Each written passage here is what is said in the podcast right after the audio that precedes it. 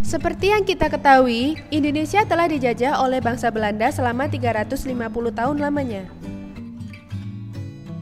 Bahkan, jauh sebelum itu, bangsa-bangsa lain juga datang ke Nusantara.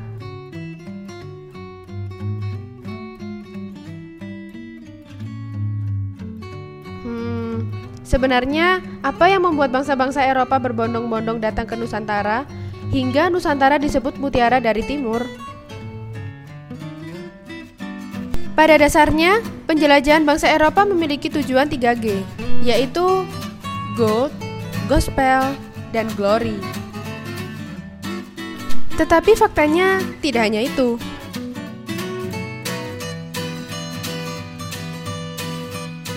Karena tujuan bangsa Eropa datang ke Nusantara adalah mencari rempah-rempah. Bertahun-tahun lamanya, Laut Tengah telah menjadi pusat perdagangan internasional bangsa Barat dan Timur, yang salah satu komoditas utamanya adalah rempah-rempah. Akan tetapi, setelah Konstantinopel jatuh ke tangan Turki Utsmani pada tahun 1453, akses bangsa Eropa untuk mendapat rempah-rempah dengan harga yang miring tertutup.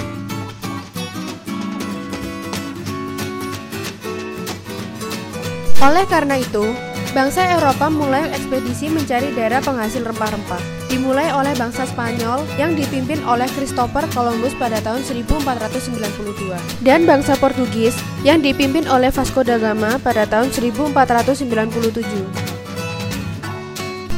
tahun kemudian, Belanda mulai menyusul dengan armada yang dipimpin oleh Cornelis de Houtman pada tahun 1595 dan Inggris pada tahun 1600. Dari hal tersebut, kita dapat melihat bahwa jauh sebelum VOC menguasai Nusantara, bangsa-bangsa Eropa lain juga pernah menguasai Nusantara.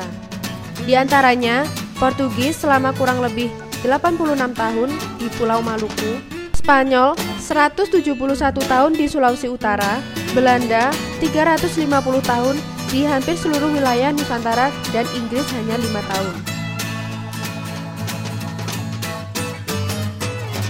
Setelah panjang lebar membahas pencarian bangsa Eropa akan rempah-rempah, sebenarnya apa yang membuat bangsa Eropa berbondong-bondong mencari rempah-rempah?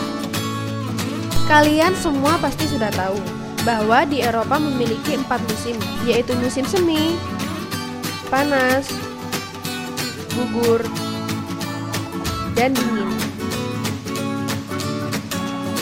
Di saat musim dingin, orang-orang Eropa membutuhkan rempah-rempah sebagai penghangat tubuh mereka.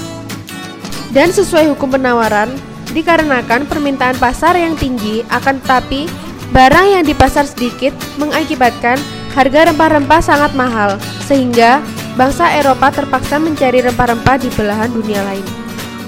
Dan Indonesia merupakan surga yang kaya akan rempah-rempah.